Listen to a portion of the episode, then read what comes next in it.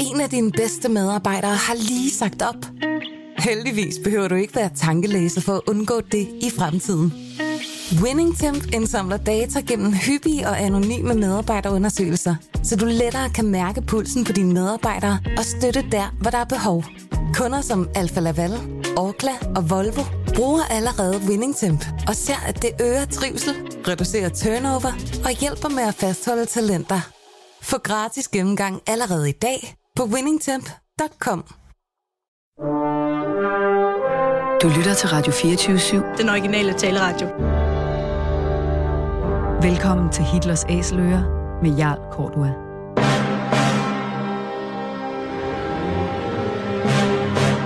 Velkommen til programmet Hitlers Æseløer, et program om bøger om den anden verdenskrig. Mit navn er Jarl Kortua.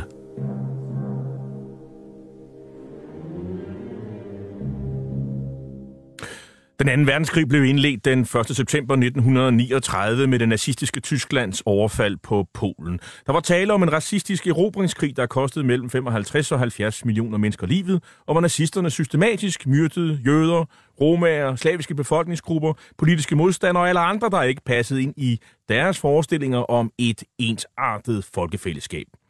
Nazisterne de blev i årene efter krigen dømt ved krigsforbryderdomstolen i Nürnberg, og flere af deres organisationer, såsom nazistpartiet NSDAP, SS og Gestapo, de blev stemplet som ulovlige forbryderorganisationer. I den her serie, som vi har valgt at kalde for Hitlers æsler, præsenterer vi nogle af de mange bøger, som i disse år udkommer om den anden verdenskrig. Ein kleines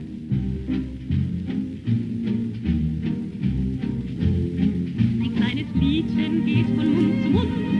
Es ist beliebt und das hat einen Grund. Denn es bedingt den Liebling vieler Damen, die ihm zuliebe fielen aus dem Rahmen. Gott Amor selber hat es komponiert, hat es den schönen Frauen dediziert. Und weil's bezaubern klingt und süß singt, man ist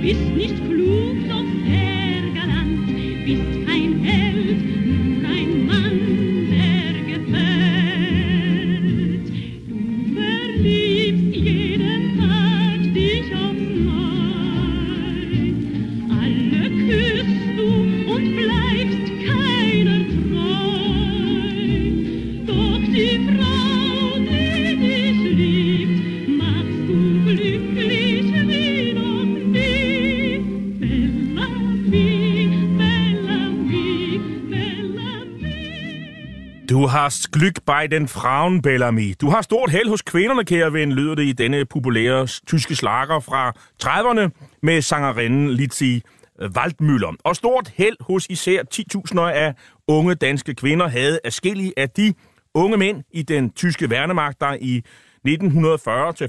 1940-45 besatte Danmark. Det resulterede i mere end 10.000 børn, hvor mange voksede op med de problemer, som det gav i et samfund, hvor ikke alle danskere havde nemt ved at tilgive, at deres mødre havde seksuelle forhold med tyske soldater under krigen. Deres mødre betalte tit en pris allerede under krigen, hvor deres landsmænd vendte dem ryggen, diskriminerede dem på alle måder, hvis ikke de blev overfaldet og klippet af danske mænd, der så det som det ultimative landsforræderi, når danske kvinder i bogstaveligste forstand lå i med fjenden. I bogen Tyskerpiger under besættelse og retsopgør fra 1994, der for nylig blev genudgivet på forlaget Kyllendal, fortæller professor i historie ved Roskilde Universitet, Annette Varing, historien om de danske kvinder, der under 2. verdenskrig blev kærester med tyske soldater. Og velkommen til dig, Annette Varing. Tak skal du have. Det er jo mere end 20 år siden, at du præsenterede din øh, historievidenskabelige fremstilling af denne noget tabubelagte del af besættelsestidens historie. Hvorfor skulle der egentlig gå næsten 50 år efter krigsafslutningen, før vi fik de såkaldte tyskerpigers historie? Det var jo en ubekvem historie, det her med, at så mange danske kvinder havde øh, været kæreste med tyske soldater øh, i en tid, hvor at man opbyggede en fortælling og en erindring om Danmark under besættelsestiden som en modstandsnation. Altså en fortælling om, at Danmark, danskerne havde stort set, alle havde været forenet i kampen mod tyskerne og i en alliance med de allierede. Af modstandsbevægelsen, de som havde udgjort den aktive kerne, men øh, samarbejdspolitikerne havde udøvet passiv modstand, og øh, hvad hedder det, den største del af befolkningen havde sluttet op om, øh, om modstandskampen. Og derfor var det jo en ubekvem fortælling øh, at løfte frem, at der faktisk var 10.000 af danskere, der ikke havde, øh, de, havde, ikke havde deltaget i den her modstandskamp, ikke havde støttet den, men tværtimod havde ligget i med fjenden det galt jo også andre samfundsgrupper, altså at dem, så at sige, som man kaldte, der havde stået på den anden side. Og netop lige i, i forbindelse med befrielsen, der blev jo, der stod alting pludselig sort-hvidt klart. Og den her klarhed altså blev skubbet tilbage i erindringen om krigsårene og skabte orden, så at sige, i en lidt broget historie øh, i øh, de fem besættelsesår, hvor at der var mange flere gråzoner end det her mellem, om man havde stået på den rigtige eller på den forkerte side. Og så tror jeg altså også, at det hører med til historien, at øh, det er, altså, forskning og fortællinger om 2. verdenskrig, ikke bare i Danmark, men også i andre lande og i andre tidligere besatte lande, koncentrerede sig jo meget om modstandskamp, krudt og kugler, øh, udviklingen på fronterne øh, og politikere og på den politiske historie, og ikke sådan noget som øh, hverdagshistorie og øh, relationerne mellem mænd og kvinder, køn og seksualitet osv., det blev ligesom betragtet som noget ikke særlig vigtigt, på trods af, at det faktisk spillede en væsentlig politisk rolle. Og netop alle de der områder, du har, du har refereret til, det, det er jo faktisk først ting, som som I i historikere tog fat på øh, ja, i 90'erne. Du var jo faktisk en af de første, som, tog, som åbnede nogle af de her kapitler, og fik jo også straks at vide af, af modstandsfolk og de mennesker, som havde deltaget i modstandskampen, at det skulle du overhovedet ikke røre ved. Øh, og man kan også sige, det, det er jo meget betegnende, at det er folk, der er født efter krigen, som jo sådan set har taget fat i de ting. Ja, altså det er fuldstændig rigtigt, at der kommer sådan, altså fra 70'erne, der begynder nogle historikere at bryde med den her fortælling om, at, at alle danskere, så at sige, var også at øh, samarbejdspolitikerne gjorde en eller anden form for passiv modstand og, øh, og gør ligesom op med den forestilling. Men det her med at tage øh, taberne, som man kaldte det, altså dem, der havde stået på den forkerte side, dem, der havde arbejdet for tyskerne i Tyskland eller i Danmark på, på langs vestkysten, eller øh, dem, der havde været østfrontfrivillige, øh, de små kriminelle, sortbørshandlere osv. Altså alle dem, der havde været i gråzonerne øh, eller stået på den forkerte side, nazisterne, øh, dem begyndte man så at interessere sig i højere grad for 90'erne, og det er også noget, der sker i andre lande. Det er også et, øh, men, det, men det her med at interessere sig for tyskerpigerne og forske i dem, altså der var min undersøgelse faktisk den første øh, i Europa, fordi det fænomen med, at man øh, fraterniserede kvinderne, fraterniserede med, med tyske besættelsessoldater, fandt jo sted i alle besatte lande. Det jo, var jo næsten sidste udkald, kan man sige, at du faktisk fik øh, interviewet nogle af de her øh, kvinder, der havde, øh, der, der havde været tyskerpiger øh, under krigen. Så hvad, hvad, hvad var det, de fortalte dig?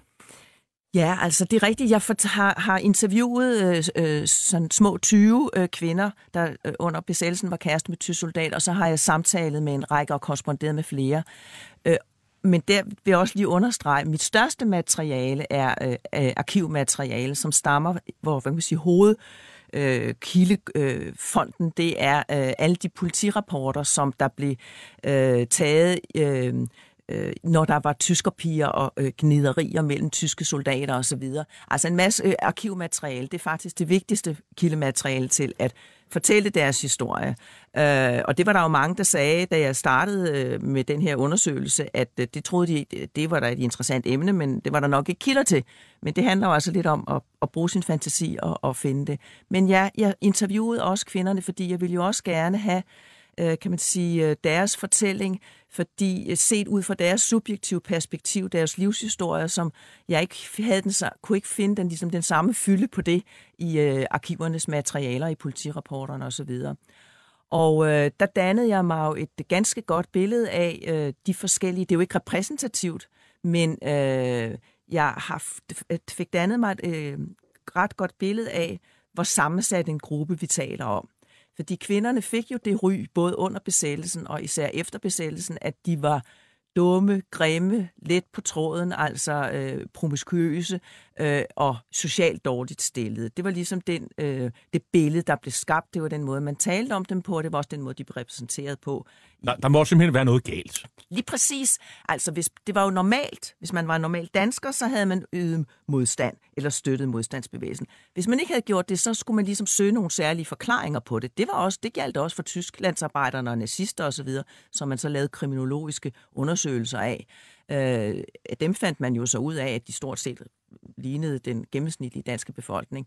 Og hvad tyskerpigerne angår, så må vi sige, at Øh, altså, vi har jo ikke noget statistisk grundlag at kunne sige, øh, hvad for procenter der er de forskellige grupper osv., for de er jo ikke registreret fælles. Men jeg kan i hvert fald sige, at det er et et bredt sammensat billede. Altså, det var både grimme og smukke piger, det var både unge og gamle, det var både kvinder, som... Øh, øh, der var både prostituerede, der var nogen, der kun var kæreste med en, der var nogen, der... Øh, øh, øh hvad hedder det? Der var kvinder, som... Øh, hvor med nazistpartiet? Der var nazister, der var prostituerede, der var kvinder, som øh, kan man sige, havde pro-tysk, eller havde nat- naturlig omgang med tyske soldater, fordi deres familie måske havde en øh, relation til Tyskland, og derfor øh, kom der tyske soldater på besøg hos dem. Der var kvinder, som øh, arbejdede for tyskerne og fandt sig en kæreste, som man øh, iblandt dem. Øh, langt de fleste var, var, øh, var kvinder, som var med i, var, var unge piger, som var i nogle venindegrupper, og som øh, ligesom øh, opsøgte de steder, hvor at der var lidt fest og ballade øh, på danserestauranterne, på øh, café, øh, hvad hedder kontinerierne konditorierne hed det dengang, øh, i parkerne og så videre, og som typisk havde et, kan man sige, et forhold af gangen, men, øh, og var ulykkelig, når han rejste, blev sendt til fronten og så videre, men de var jo i den her gruppe, og så var der en ny.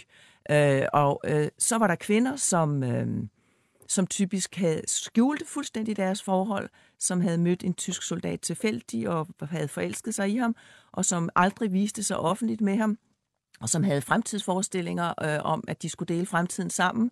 Nogle af dem blev også gift, ikke så mange. Nogle af dem tog til svigerfamilien, den potentielle svigerfamilie i Tyskland, for at vente på, at han kunne komme hjem fra overlov og så videre. Øh, så vi har altså at gøre med et meget, meget broget billede. Man kan måske sige, der var en vis overrepræsentativitet af unge kvinder i den kærestesøgende alder. Det vil sige 20'erne oftest, ja. Øh, store teenager. Ja. Du kalder dem for tyskerpiger, og det må sige, det er nok en af de pæne gloser omkring, mm. hvad, hvad, samtiden kaldte de her piger. Ja. Feltmadrasser, øh, tysker, tøser. Syfilishopper. Vi, der er, det er kun fantasien, der sætter grænser for, hvad man, hvad man kalder. Og, det, og der er ikke nogen af de her navne, der er men pænt. Øhm, hvad, der er jo en erindring om, om, om de her kvinder, der har ændret sig fra, at du udgav den her bog i, i 94 og til i dag. Mm. Hvad, hvad er det for en, øh, ja. en uh, erindring om disse kvinder, der har ændret sig, Annette Waring? Ja, altså det, det har du ganske ret i. Altså man kan sige, øh, som du vist kort var inde på, så kom der en voldsom reaktion, da jeg uh, tog fat på det her emne. Uh, ja, da det blev offentliggjort, at jeg havde fået pengene til det her stipendie, mit phd stipendie hvor jeg skulle grave i den her historie, så var der stor medieopmærksomhed. Og det var jeg jo glad for, fordi så kunne jeg også komme i kontakt med nogen, der kunne fortælle mig noget, også øh, blandt kvinderne. Men det skabte også voldsomme reaktioner, og jeg fik øh, trussel, altså meget, meget voldsomme uh, reaktioner. Nogle af dem, altså noget man kunne diskutere og debattere, men jeg fik også personlige trusselsbreve øh, om, at vi ved, hvor dine børn øh, går i daginstitutioner, også sådan, altså seksuel øh, trak, altså forulempende øh, øh, breve og så videre. Og det viste jo noget om, hvor voldsomme, øh, hvor, hvor stærke følelser, der knytter sig til øh, den til, til øh, erindringerne om den her periode, hvor mange identitetsmæssige både interesser, men også følelser, der knytter sig til den.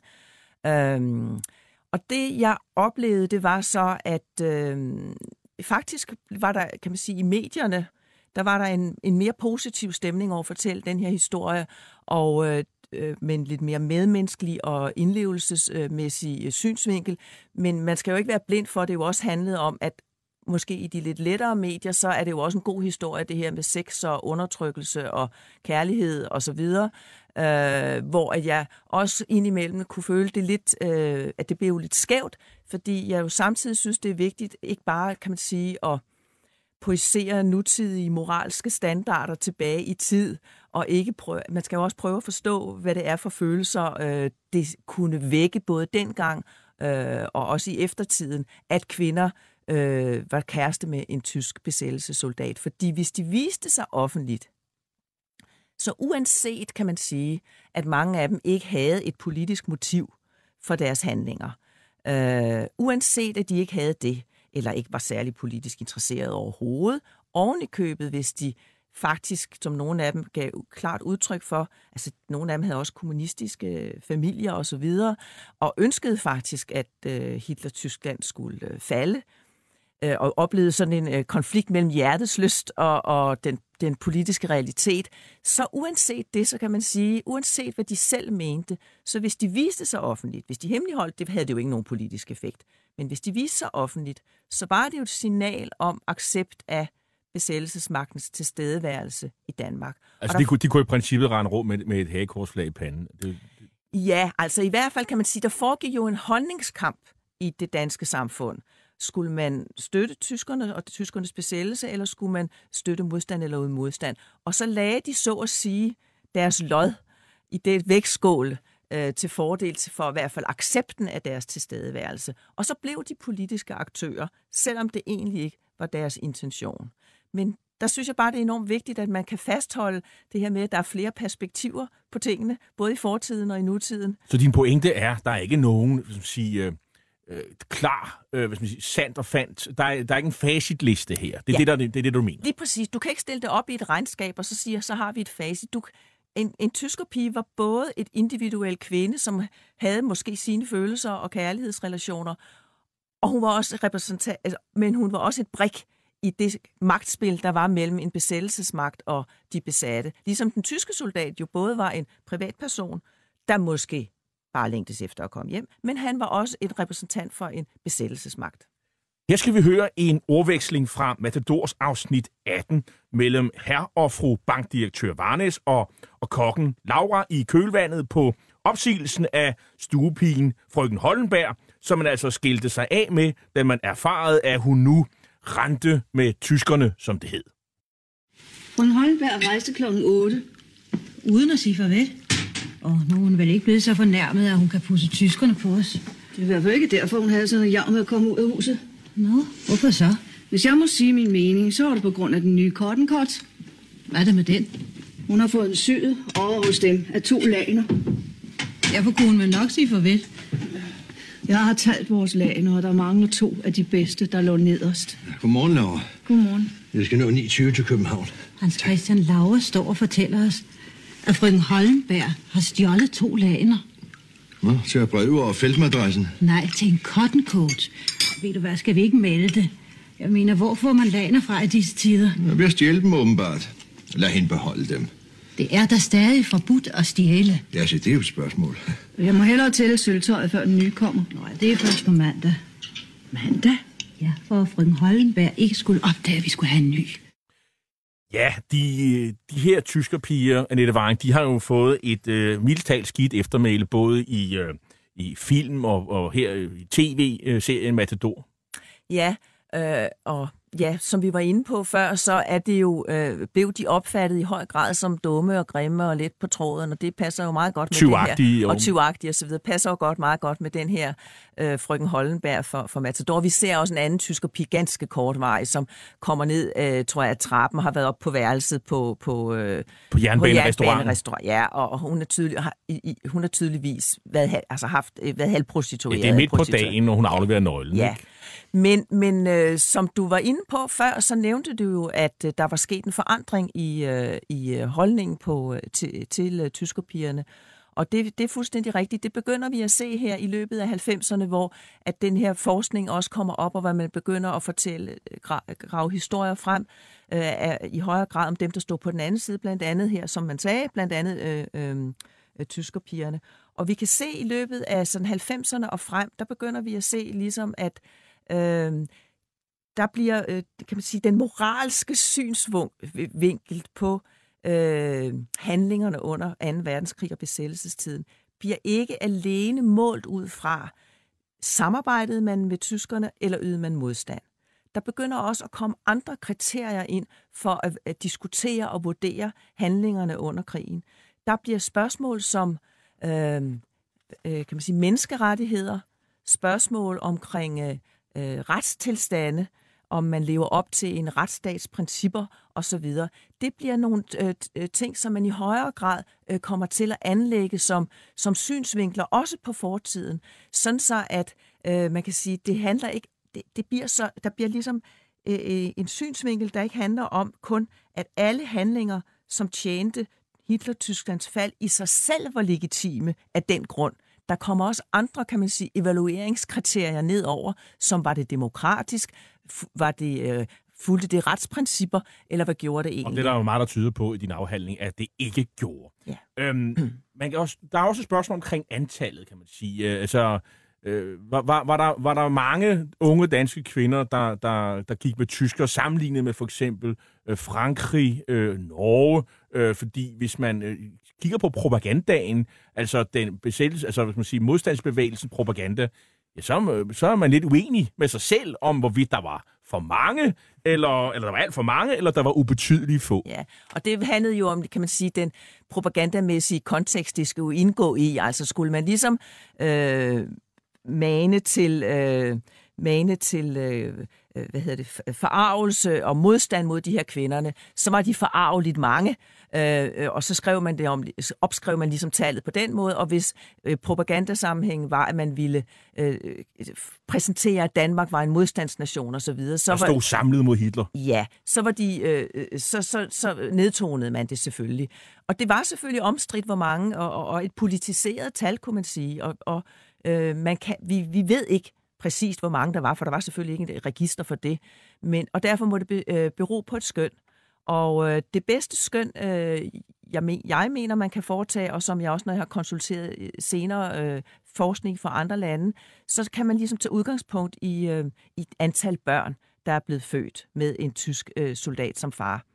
Og der øh, blev der officielt i Danmark registreret 5.579, men senere, øh, hvor, hvor, hvor øh, det var en tysk soldat, der var udlagt som far.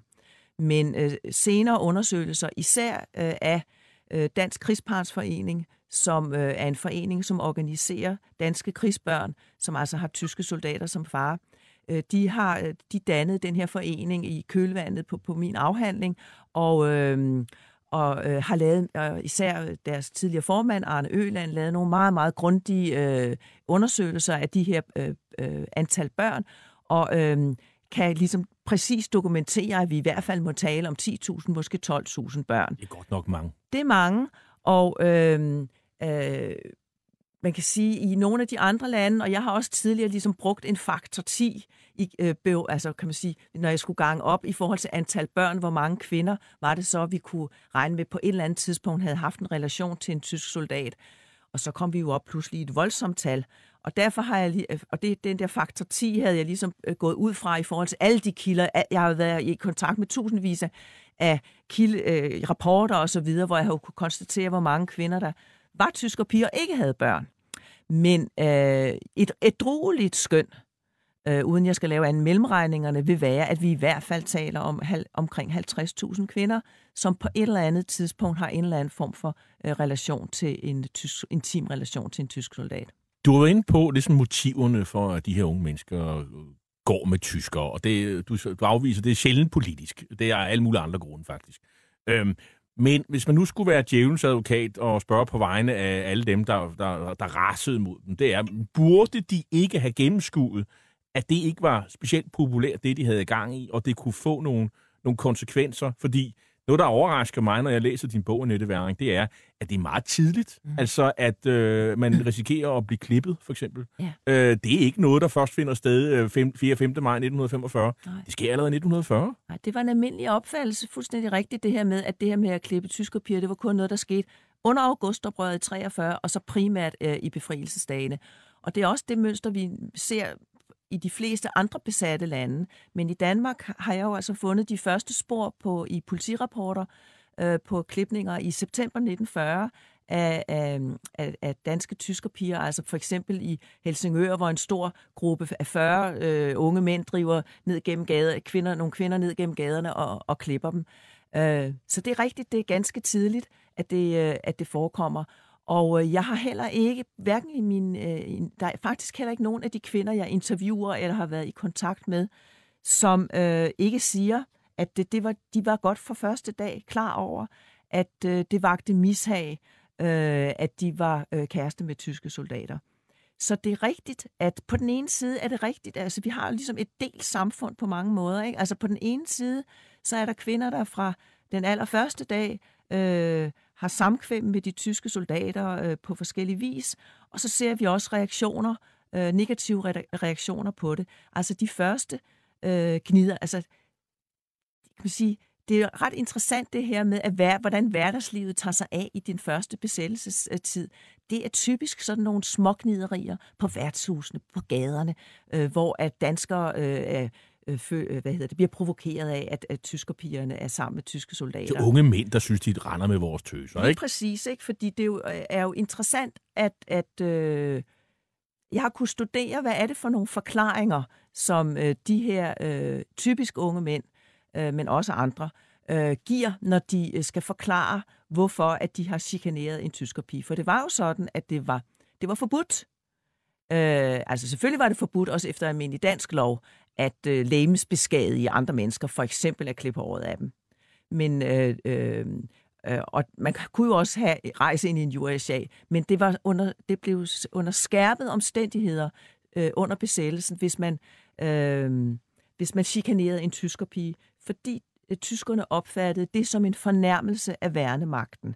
Og derfor krævede de, at, øh, at, kan man sige, at øh, den almindelige danske øh, retshåndhævelse øh, i sådan sager blev skærpet. Det var et oprør mod dem i virkeligheden. Ikke? Ja, de så det som en seismograf for, hvordan stemningen var øh, i, øh, i Danmark mod dem. Plus, og det var sådan, og så var der sådan et, sådan et rid- ridderlighedsideal hos de her tyske soldater, tyske officerer måske, som sagde, at vi, altså, vi er deres beskytter, vi vil ikke finde os i den behandling. Lige præcis. De, de, når, når der for eksempel blev bragt øh, Øh, sådan nogen, der er en, der var røget totterne på hinanden øh, på et værtshus eller et eller andet om, om, i, i forbindelse med en tyskerpige, så var der et typisk forklaring netop for den tyske soldat, var, at grunden til, at han var faret i flæsket på den her dansker, der havde været opført sig fornærmende, det var, at han opfattede det som sin kavalerpligt at beskytte sin øh, danske kæreste. Så det, jeg synes, der er vigtigt her at, at hive fat i, det er, at på tværs, altså, og samtidig kom øh, de danske mænd også med nogle forklaringer, som at de, det var noget af det, jeg synes var meget interessant.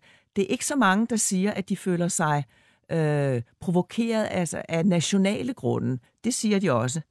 Men deres forklaringer er primært, at de synes, at de, at de føler sig kønsmoralsk krænket af, af, af pigernes adfærd at de siger for eksempel, det var en lummer situation, sådan som hun hang om halsen der på den tyske soldat, og det var det, der provokerede. Så der er sådan tale om sådan et selvbestaltet, nationalt, øh, moralsk politi, næsten. Man, det virker næsten som om, det er noget, man hører fra, fra vores dage i Saudi-Arabien i virkeligheden. Altså. Ja, i hvert fald, ja, du kan sige, at der er, man kan sige, hvis du kigger på de her forskellige forklaringer, som øh, øh, forskellige danskere de giver, så er det sådan en cocktail af nationalkrænkelse, af kønsmoralsk krænkelse over deres adfærd, og også jalousi øh, over, at øh, øh pigerne har, har, øh, øh, øh, har øh, valgt en, en tysk soldat. For eksempel synes jeg, en meget morsom historie er, eller sigende historie er, nogle unge mænd fra Tisvilde Hegn, der har øh, klippet et par tyskerpiger, og da de bliver bragt ind og skal afgive forklaring, så siger de, jamen de synes, at det var ærgerligt, at de her piger gik med de tyske soldater, for der var der var så mange, øh, der var ikke så mange øh, piger øh, i byen, øh, og der er det jo helt tydeligt, der ser vi sådan en parallel til nogle aktuelle reaktioner, som der har været i forhold til indvandrerdrenge, altså at perkerne kommer og tager vores piger, der har vi altså med den samme mekanisme at gøre. Så på tværs af konflikten, den nationale konflikt mellem Tyskland og Danmark, mellem den tyske soldat og den danske mand, så var de altså faktisk forenet de reagerede på samme måde, og de opfattede, at deres, øh, kan man sige, at deres maskulinitet øh, blev krænket, og deres ære blev krænket, hvis deres kæreste blev, øh, kan man sige, øh, for, øh, fornærmet på en måde, som angreb hendes øh, ære. Sondern ich wollte zur Wolga kommen, an einer bestimmten Stelle, an einer bestimmten Stadt, Zufälligerweise trägt sie den Namen von Stalin selber, aber denken Sie nur nicht, dass ich deswegen... Du lytter til Hitlers Æseløer på Radio 24 Et program om bøger om 2. verdenskrig med Jarl Korva. Und wissen Sie, wir sind bescheiden. Wir haben ihn nämlich. Es sind nur ein paar ganz kleine Plätzchen noch da. Nun sagen die anderen, warum kämpfen sie da nicht? Weil ich kein zweites Verdun machen will, sondern weil ich das lieber mit ganz kleinen Stoßdrucks mache. Die Zeit spielt dabei keine Rolle. Es kommt kein Schiff mehr die Wolga hoch. Das ist das Entscheidende. Og i dag der taler vi øh, om bogen Tyskerpiger under besættelse og retsopgør øh, med forfatter og historiker Annette Waring. Bogen er udkommet på forlaget Gyldendal, og, og vi, vi er jo i gang med at, at tale om, om de her tyskerpiger. Og, og, der, og det, som måske mange jo kender til, når vi taler om tyskerpiger, det er jo det her med, at man klippede øh, kvinderne skaldet, øh, eller i hvert fald klippede dem. Øh, hvor stammer den straf fra? Altså, og hvorfor gør man det, Annette Waring? Ja, det er altså et godt spørgsmål. Og jeg vil ikke sige, at jeg har svaret. Øh, og det har undret mig, det undrede mig dengang også, at øh, det så hurtigt bliver den stra- afstraffelsesform. Altså, der er jo alle mulige andre former for afstraffelser.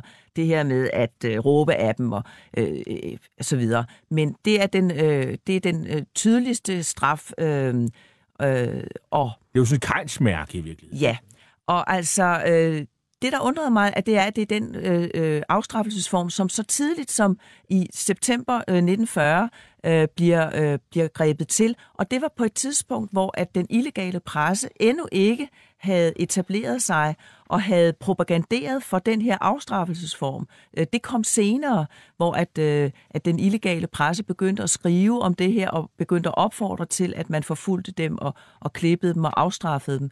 Så hvorfor opstår det som spontant? For man kunne heller ikke læse om det i den legale presse, at det var sådan, man skulle gøre, fordi der var jo censur, og man måtte ikke skrive om øh, sådan nogle øh, øh, forskellige former for øh, forfølgelse af de her tyskerpiger, fordi det vidnede jo netop om antitysk stemning i befolkningen. Så hvor pokker ved folk det fra?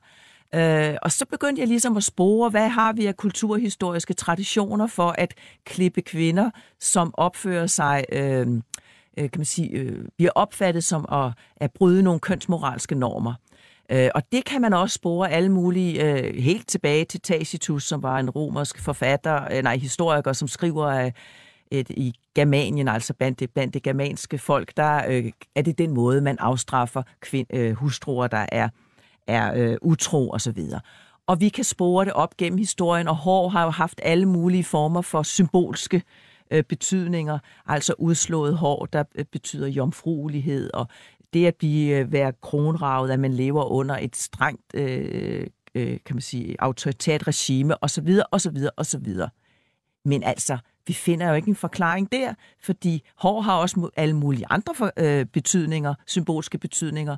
Øh, man bliver også afstraffet på andre måder. Så jeg tror, at man i stedet, og jeg tror i øvrigt ikke på sådan noget, at der eksisterer sådan kollektiv ubevidst, som er- nedarves igennem generationer, og aha, så står vi der og ved, når vi står over for sådan en situation, at det er sådan, man skal gøre mod den slags kvinder. Sådan noget tror jeg simpelthen ikke eksisterer. Så, hvordan, altså, at, så jeg tror ikke, at, at det er den farbare vej at tolke det ligesom sådan, at der skulle ligge et eller andet kollektiv ubevidst, eller et særligt symbolsk system, som forklarer det. Jeg tror, at man skal gå meget konkret til værks og sige, jamen hvad er det for en, hvad er det, der sker i det øjeblik, man klipper håret af, af, af kvinderne? Der kan man sige, det er en, man ændrer hendes relation til det samfund, som hun øh, som straffer hende. Ved at øh, kronrave hende, så kan man i hvert fald sige, at man fjerner en typisk kvindelig, på det tidspunkt kvindelig attribut, som er med til at gøre hende smuk. På det tidspunkt var det ikke smart at være kronravet eller meget kortklippet som kvinde. Så øh, det er et meget tydeligt, det er et meget tydeligt tegn. En, hun bærer, det bærer vidne, det bærer vidne om hendes, øh, hendes, øh, hendes skyld. Det er et tydeligt tegn, fordi selvom hun tog et tørklæde på eller en turban, så vidste alle, at hvis man gjorde det i de dage, så var det nok, fordi man var blevet klippet. Og så, man kan også se det som en kvindelig, altså kastraktion, altså man fjerner hende som øh, hendes, øh, at hun er seksuelt, øh, hvad hedder det, attraktiv. Og så er det jo også en skænding af den krop, som er blevet givet til kvinden. Så det er en seksualiseret straf for en seksuel handling. Og så er der også det forhold, at der er øh, flere, der i hvert fald, når de afgiver forklaring, siger, er men altså, øh, så slemt var det jo heller ikke, for håret voksede jo ud igen. Øh, uden at selvfølgelig så at tænke på den enorme, altså det er jo også en form for skamstraf, som giver en øh, helt særlig form for psykologiske eftervirkninger. Øh, men det er sådan, tror jeg, et konglomerat af mulige forklaringer til, øh, at det er den øh, afstraffelsesform, man griber til, og det er i hvert fald det, man gør i alle de besatte lande. Det er forholdsvis yngre mænd, der udfører de her øh, aktioner, klippeaktioner, men, men, men der er jo også kvinder. Det er der. Altså, øh, igen, jeg har ikke et statistisk repræsentativt billede, men dog har jeg været igennem mange, mange hundrede sager, øh, eller tusind sager, og øh, det er rigtigt, at øh, unge mænd er overrepræsenteret, men vi ser også typisk, hvis det, altså klipningerne foregår jo på forskellige måder. Hvis de foregår ude på gaderne, hvor kvinderne bliver fanget ind, så er det typisk, at kvinderne findes blandt øh, tilskuerne, og at de, øh, kan man sige, råber og spytter og øh, ophisser, altså virker ophidsende og opfordrende til at, at øh, klippe. Men øh, der er også kvinder, der klipper. Der er øh, også øh, øh, øh, i høj grad kvinder, der er aktive, når det handler om at anvende nogle af de andre former for afstraffelse, den kolde skulders politik, mobning, social øh, øh, isolation, tilråb osv. Og så bliver man også fyret på sin arbejdsplads. Der er øh, nogle tilfælde, hvor at især i forbindelse med augustoprøret op mod folkestrækken, at øh, at der øh, øh, rotter, kan man sige, så øh, øh de ansatte på en, på en arbejdsplads sig sammen og kræver, at øh, en tysker pige skal fyres. Ja. Schön ist die Nacht, die lauschige Nacht, es leuchten die Sterne, ich hab dich gerne, nur dich,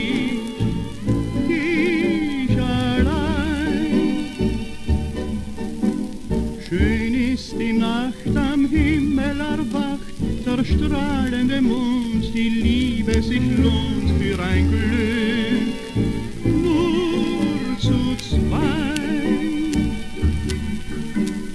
Schön ist erst die Welt, seit ich dich sah, Sehnsucht, die noch quält, bringt uns das Glück und die Liebe so nah. Ja, schön ist die Nacht, die lauschige Nacht, es leuchten die Sterne. Ich hab dich gerne, nur dich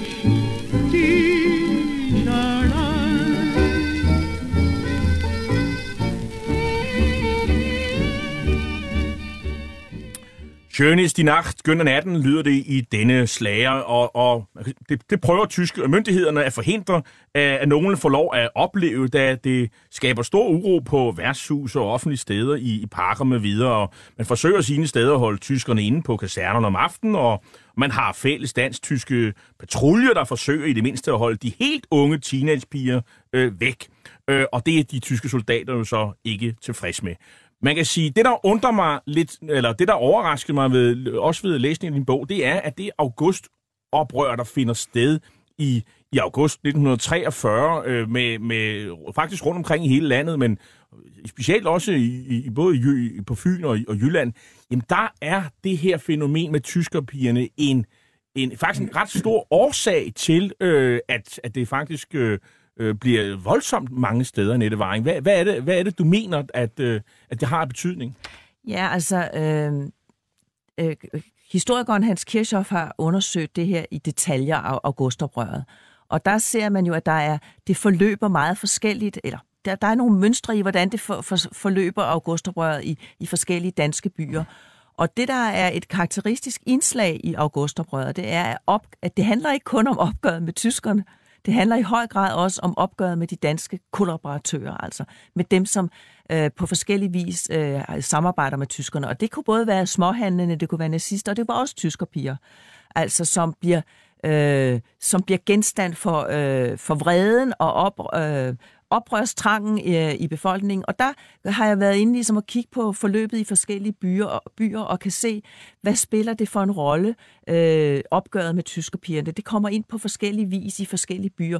Nogen, på no, I nogle øh, tilfælde, der er det ligesom et nærmest været en del af opvarmningen til oprøret, hvor der har været en meget intenst illegal propaganda mod tysker, tyskerpigerne, og der har, man har kørt på den her cocktail af antityskhed, øh, kønsmoralsk øh, krænkelse, jalousi osv. i sådan en u- uskøn cocktail, som er, virker eksplosiv. Øh, I andre tilfælde, så er det for eksempel det her med krav om fyring af nogle tyskerpiger, eller fjernelse af tyskerpiger på offentlige steder, der er med til at accelerere konflikten. Øh, der er nogle steder, hvor at det virker... Øh, kan man sige, hvor det virker ophidsende på hele stemningen, accelererende på situationen, at der begynder at blive klippet tyskerpiger. Det sætter ligesom en acceleration i gang på hele oprørsstemningen. Øh, og i nogle tilfælde kan vi også tale om, at det nærmest virker som lidt en afledning, hvor man egentlig er i gang med at rette sin vrede primært mod øh, de lokale tyske soldater på den lokale øh, forlægning osv. Men der kan man næsten sige, at der virker det nærmest som om, at man ligesom, øh, ja, leder en afledning af, af vreden mod dem, man måske primært være, må, måtte være vrede mod. Så den, de, har, de, har, de spiller en vigtig funktion, det her opgør med tyskerpigerne. Men det går også hen og blive et problem mellem øh, de dansk-tyske relationer, fordi tyskerne de kræver, at øh, de her overgreb de stopper, og at øh, gerningsmændene de bliver retsforfulgt. Og, øh, og der står de lokale politimestre, og øh, de er ikke... Ja så vilde med at, øh, at, følge, at, at følge de her sager til dørs. Nej, altså generelt kan man sige, at det er jo et, et, øh, et konfliktfyldt øh, samarbejde mellem øh, dansk politi og øh, de tyske myndigheder. Det gælder jo i alle sager, og hele spørgsmålet om dansk politis stilling er jo meget, meget følsomt. Og i de her sager, der er, det, øh, øh, der er der jo nogen, nogen sammenhæng, hvor det faktisk går ret smertefrit samarbejdet mellem, øh, mellem tyske myndigheder og, og dansk politi. Det er for eksempel i øh, samarbejdet øh, om at bekæmpe kønssygdom og utugtighed og så videre. Altså det her med at øh, ja, altså opspore smittekilder og så videre i forbindelse med, øh, med kønssygdom, som jo øh, florerer øh, øh, stærkere øh, under besættelsen. Øh, og netop også, hvis man, øh, de samarbejder også omkring at, at fjerne tys, øh, kan man sige, altså, unge piger, som er under den seksuelle lavalder og så videre, øh, og øh, samarbejder om at få dem anbragt socialt og så videre. Men selv der, hvor man har meget fælles interesser, øh, der er tyskerne hele tiden på vagt. Altså, øh, bliver nu de danske kvinder udsat for øh, øh, diskrimin- diskrimination, begrundet i en antitysk holdning blandt øh, dansk politi. Og så er der de tilfælde her, hvor det handler om, øh, hvor det er endnu mere konfliktfyldt samarbejde, som du nævner. Det er, hvor tyskerne kræver, at øh, dansk politi skal øh, re, altså, øh, retshåndhæve øh, dansk og tysk lov over for øh, nogle af de danskere, som har chikaneret tyskerne, øh, tyskerpigerne. Og øh, det tilspidses faktisk og gradvis, altså så, det er jo ligesom også med hele øh, øh, retssystemet, så er det jo sådan en glidende bevægelse igennem hele besættelsen, at det mere og mere og mere øh, bliver øh, glider over på tyske hænder. Øh, fordi det er jo øh, vanskeligt, hvornår skal dansk, hvornår er det, det er jo helt samarbejdspolitikkens dilemma. Hvor længe skal man blive ved med at have det her, det her rationale om, at det er bedst hvis vi tager os af det som danskere, fordi så øh, øh, danner vi et skjold mod det, der er værre. Øh, men hvor langt skal man gå med at efterkomme tyskernes, øh, tyskernes krav? Men det ender faktisk med, at i nogle tilfælde, øh, i forbindelse med, med oprydningen, kan man sige, efter augustoprøret, at der er nogle danske mænd, som har klippet tyskerpiger, som øh, altså, typisk havde de ellers tidligere risikeret, at få nogle bødestraf, måske øh, kort hæftestraf. Men der ser vi altså nogle få eksempler på, at der er nogen, der øh, oplever tortur øh, og bliver øh, ender med at blive sendt øh, i korset. Så det kunne have alvorlige konsekvenser på visse tidspunkter under besættelsen at chikanere og forfølge tyskerpiger. Den illegale presse udstiller jo også de her tysker, tyskerpiger. Man kan sige, at tonen bliver grovere og grovere. Øh, Øh, der er også dem, der mener, at jamen, de her tyskerpiger, de, de, de er jo ligesom stikker. Er der noget i din forskning, der tyder på, at tyskerpiger var stikker end andre øh, øh, grupper i samfundet? Det er jo klart, det er et meget vigtigt spørgsmål. Det, der første omgang øh, undrede mig, det var, hvor lidt at den illegale presse talte om tyskerpigerne som øh, stikkere. Det var faktisk primært deres øh, moralske adfærd, som øh, man var optaget af. Altså i de artikler, man lavede, så, han, så, så handlede det om, at de var en moralsk og fysisk smittekilde i vores samfund. De var, øh, de var, øh, de burde, ja, altså, øh, at de var, ja, de var, de var dyriske, de var, deres øh, sammenligning med deres seksualitet var, at de var det urent, det var øh, seksuelt øh, depraveret osv. Det er faktisk Frit Danmark, det er navnkundige Frit Danmark, der skriver sådan en, en artikel på, i, øh, øh på et tidspunkt i 42. Men øh, det er sådan, jeg har faktisk undersøgt det, og det er sådan, at fordi øh, øh, der var og det er tit det, man i efterkrigstiden har sagt, at de udgjorde jo en sikkerhedsrisiko for modstandsbevægelsen. Og de kunne være snak, også snakkere, selvom det ikke var deres hensigt. Og det er faktisk sådan, at vi kan se, altså det er en, for, kan lige så godt sige konklusionen først, det er en forsvindende lille del af tyskerpigerne, som er øh, var, fungeret som stikkere. Men der er en, kan man sige, blandt de antal kvinder, der bliver dømt for angiveri, det er 400 danske kvinder, der bliver dømt for angiveri, der er to tredjedel af dem tyskerpiger. Så der er en høj korrelation mellem antallet af øh, kvinder, der øh, bliver dømt for angiveri, og så tyskerpiger. Du sprichst vom Abschied für kurze Zeit und bist schon morgen von mir so weit. Was sind schon Worte im Augenblick, was ein versprochenes Glück. Weil ich dich liebe, glaub ich an dich, doch willst das Schicksal, vergisst du mich, das darf nicht sein, tausendmal nein. Komm zurück, ich warte auf dich, denn du bist für mich all mein Glück. Kom tilbage, lyder det her i slageren. De tyske soldater de blev med tiden sendt til fronterne, men nogle af dem de indgår før og også efter øh, giftermål med danske øh, kvinder. Er, er det jo ikke populært hos den tyske regering, og i, og i hvilket omfang øh, sker det, Annette Weing? Det er ikke særlig populært blandt øh, de tyske myndigheder, på trods af, at øh, grunden til overhovedet, at danske kvinder øh, kan så omgås med, øh, eller tyske soldater omgås med danske kvinder, det er jo fordi, at Tyskland fører en racepolitik, hvor at øh, danske kvinder, altså det var jo ikke tilladt for de tyske soldater i de østbesatte områder at omgås øh, øh civilbefolkningen, men det er det altså i, i Norge og i Danmark og i Holland og Belgien, fordi der bliver befolkningen her opfattet som ariske og en del af den germanske folkestamme. Men på trods af det, så er de tyske myndigheder meget tvetydige omkring det her med, om de øh, går ind for de her ægteskaber eller, går, øh, eller ej. Og det, øh, det handler om, at de, øh, de på den ene side synes, at det kan være godt racemæssigt, men på den anden side, så har de en opfattelse af, derhjemme venter der jo tusindvis af tyske kvinder på, at tyskere skal komme øh, hjem, og øh, de tyske soldater skal hellere gifte sig med dem. Og så er der sådan noget med, at de danske myndigheder, de skal, til at, de skal medvirke for at tjekke kvinderne for eventuelle sædelige ja. øh, eller usædelige optræden ja. i fortiden, og det er man jo ikke så glad Nej. for. Altså for at øh, øh, danske kvinder og tyske soldater kunne få tilladelse til at gifte sig, øh, så skulle øh, der laves sådan en bedømmelse af deres øh, politiske og deres moralske øh, og deres racemæssige øh, forhold. Og danske myndigheder, de medvirkede med, med, med, med en vis tilbageholdenhed, men medvirkede til at give dem så, altså, altså udtale sig om deres moralske habitus og, polit, og deres families øh, politiske habitus, men nægtede at medvirke til at udstede ariatester.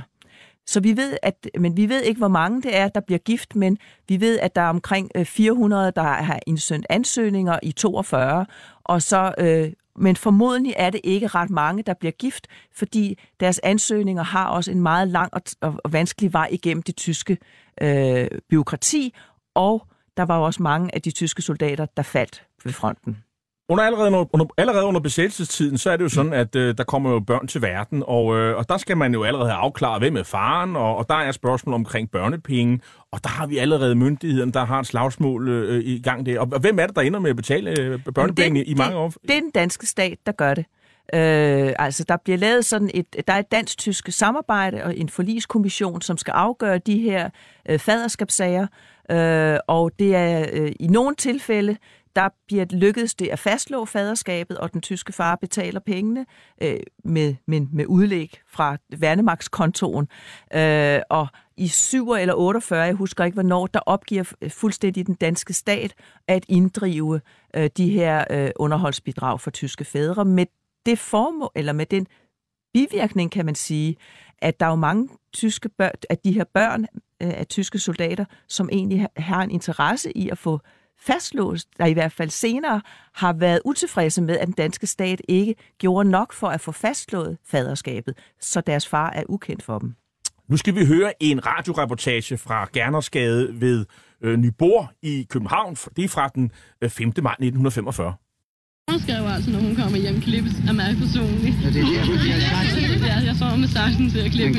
Ja, Spørger, går de så selv løs på hende, når hun nu Ja, vi er nogle forskellige kvinder, der gerne vil overfalde hende og give hende en omgang. håret helt der? Ja, ja. Ja, der skal være en lille kranse. Hun er ring på lov, mens hun er ring på lov, mens ja. Og skal giftes med ham. Hun siger, at han er godsejer i Tyskland, men der er jo nok ikke ret meget godsejer tilbage af ham. Tror de nu, frihedskæmperne vil tage hende? Det har de sagt, og vi har, de har sagt, at vi må gerne gøre det ved hende.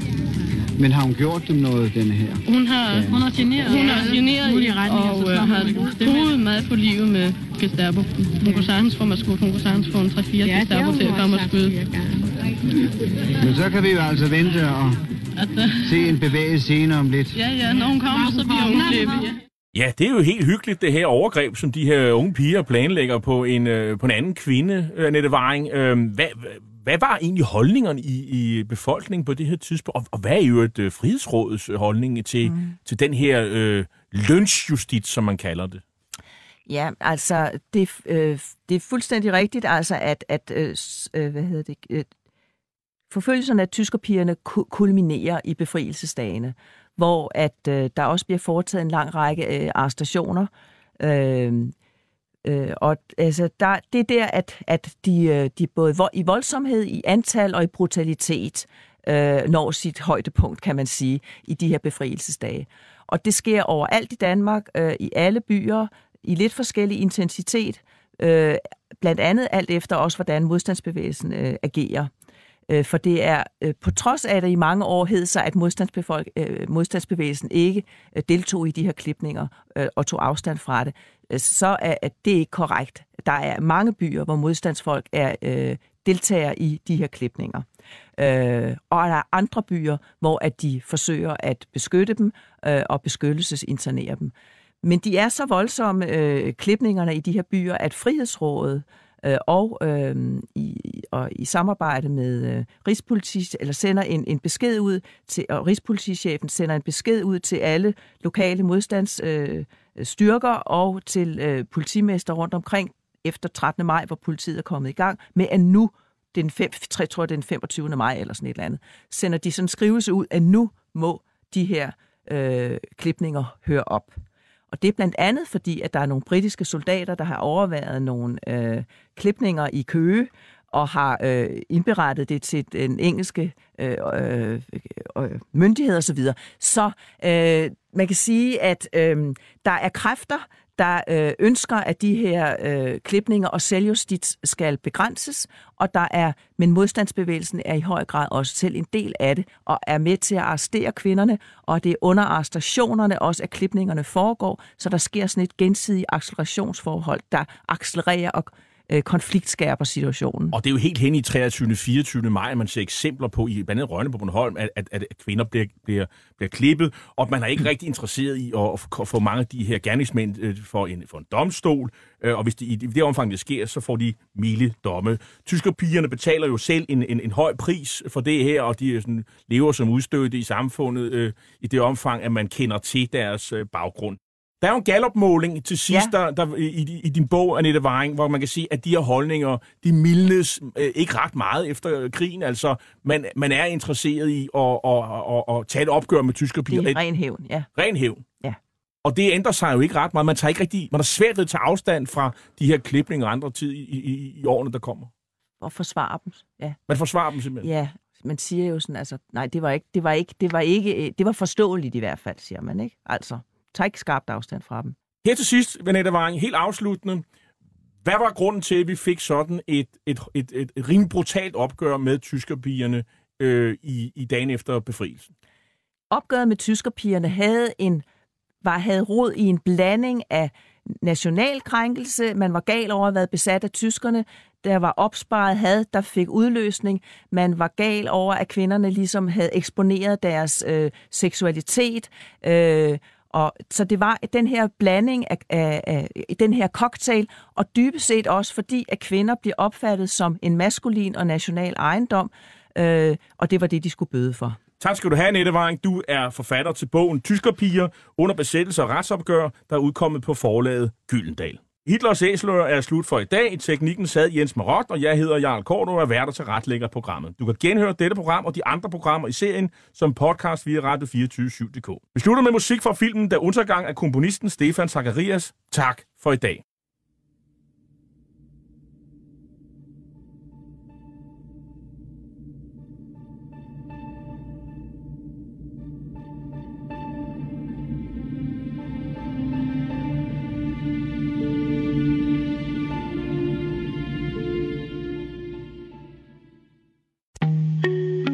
Af dine bedste medarbejdere har lige sagt op.